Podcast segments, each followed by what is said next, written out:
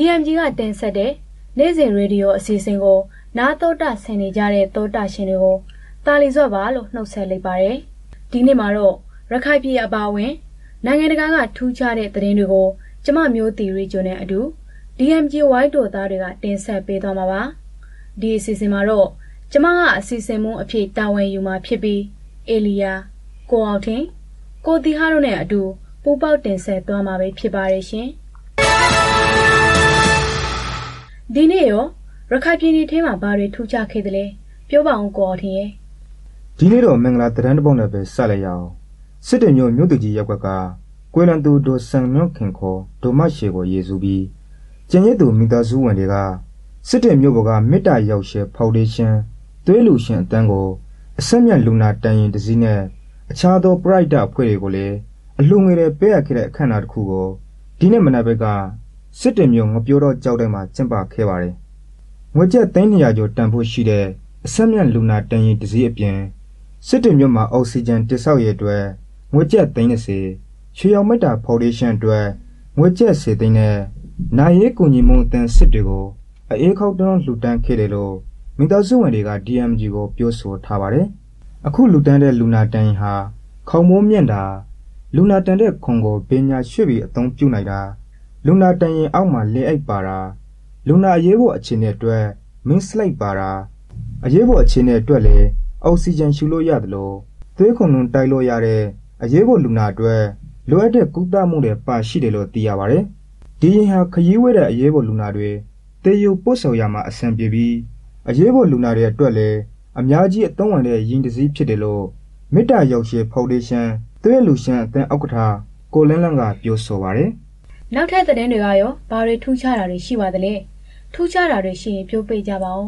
ဟုတ်ကဲ့ပါနောက်တစ်ခုကလည်းဝမ်းသာစရာသတင်းပါပဲရခိုင်ကလူဦးရေတသိန်း3000ကျော်အတွက်ကိုဗစ်ကာကွယ်ဆေးတွေမနေ့ဖြန်ရောက်မယ်လို့ဒေါက်တာဆိုဝင်းပိုင်ကပြောဆိုလိုက်ပါတယ်စစ်တွေနဲ့တန်တွေးခရိုင်ကလူဦးရေတသိန်း3000ကျော်အတွက်တရုတ်ထုတ်ကိုဗစ်ကာကွယ်ဆေးတွေရောက်ရှိလာတော့မယ်လို့ရခိုင်ပြည်နယ်ကျန်းမာရေးဦးစီးဌာနကလက်ထောက်ညွှန်ကြားရေးမှူးဒေါက်တာဆိုဝင်းပိုင်က DMG ကိုပြောဆိုထားပါတယ်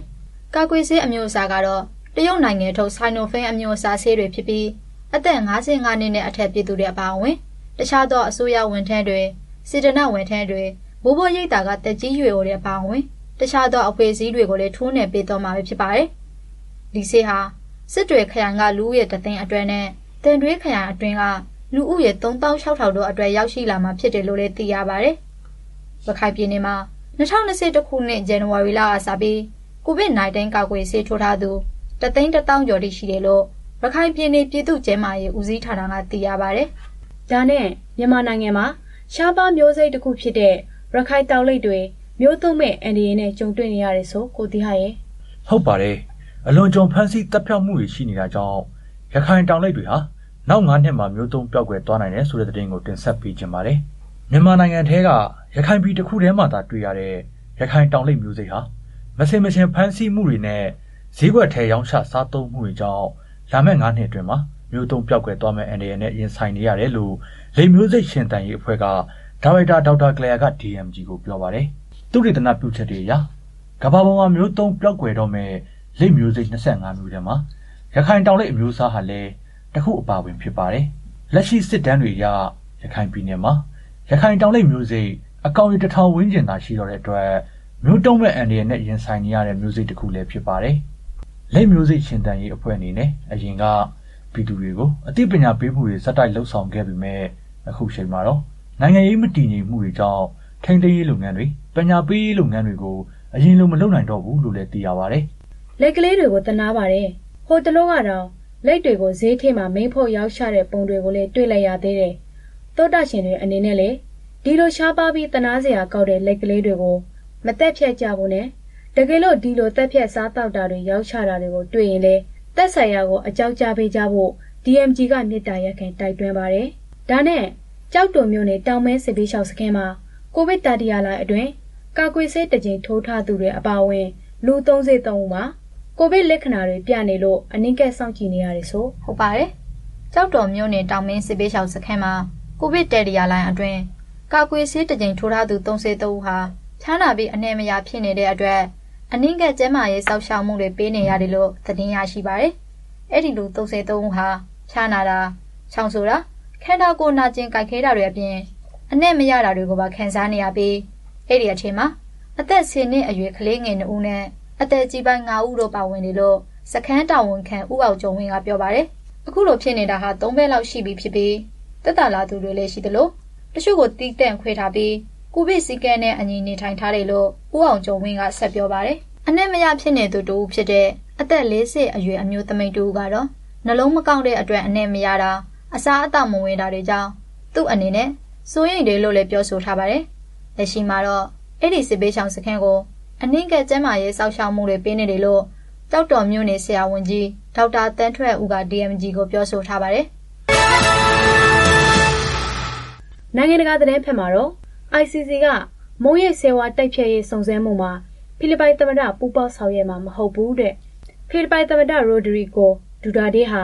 ဖိလစ်ပိုင်နိုင်ငံရဲ့မုံရိပ်ဆေဝါတိုက်ဖြတ်ရေးနဲ့ပတ်သက်ပြီးနိုင်ငံတကာရာဇဝတ်ခုံရုံး ICC နဲ့ပူပေါဆောင်ရွက်မှာမဟုတ်ဘူးလို့သမ္မတရဲ့ရှေ့နေကပြီးခဲ့တဲ့ကြာသပတေးနေ့တော့ပြောကြားလိုက်ပါတယ်။ ICC ဟာ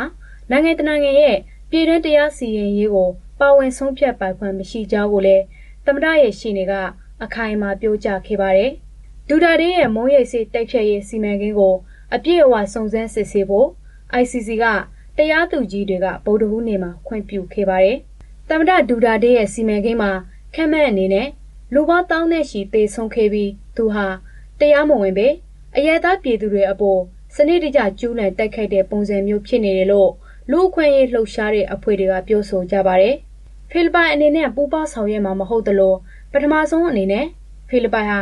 ICC သဘောတူညီချက်ကနေ နှုတ်ထွက်ထားပြီးဖြစ်တဲ့အတွက် ဖိလစ်ပိုင်ရဲ့ တရားစီရင်ရေးမှာ ICC ပါဝင်ခွင့် မရှိတော့ဘူးလို့ သမ္မတရဲ့ ဥပဒေအကြံပေးအကြီးအကဲဆာဘန်တိုပန်နီလိုက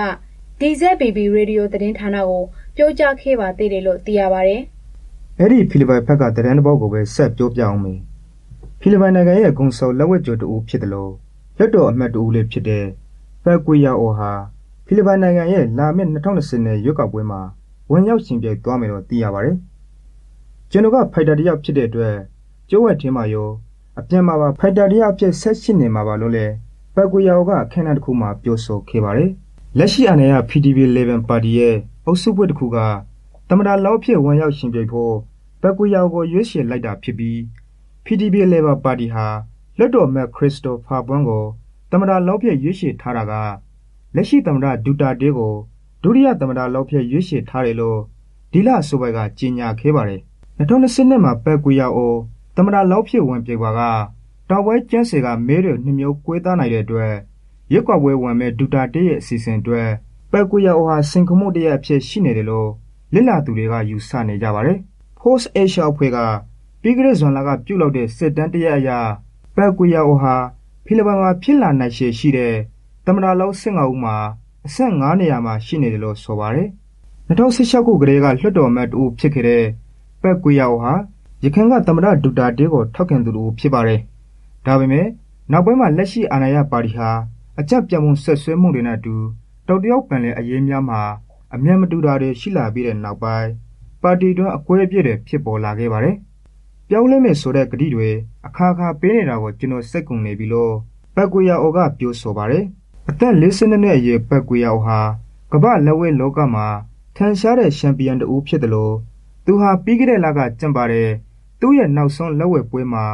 ကျူးဘောကစားသမားယိုဒန်နစ်ဥဂက်စ်ကို ရှုံးနိမ့်ခဲ့ပါတယ်။ဒီနေ့ အစီအစဉ်ကိုတော့ ဒီလောက်နဲ့ပဲ အဆုံးသတ်ပါမယ်။တောတာရှင်အပေါင်း ကျင်းမာရှင်းသာကြပါစေ။ DMG ကနေ online radio အစီအစဉ်ကို2021ခုနှစ် စက်တင်ဘာလကနေ နေ့စဉ်စတင်ထုတ်လွှင့်နေပြီဖြစ်ပါတယ်။ DMG ရဲ့နေ့စဉ် online radio ကို နားဆင်ရှင်တော့ DMG ရဲ့ Facebook စာမျက်နှာနဲ့ SoundCloud တို့ခေါ်မှာလဲ online radio DMG လို့ရှာပြီး နားဆင်နိုင်ပါတယ်။ DMG ကို စောင့်မျှော်ကြည့်ရှုအားပေးနေကြတဲ့ သောတာရှင်တွေကို ကျေးဇူးအများကြီးတင်ပါတယ်ရှင်။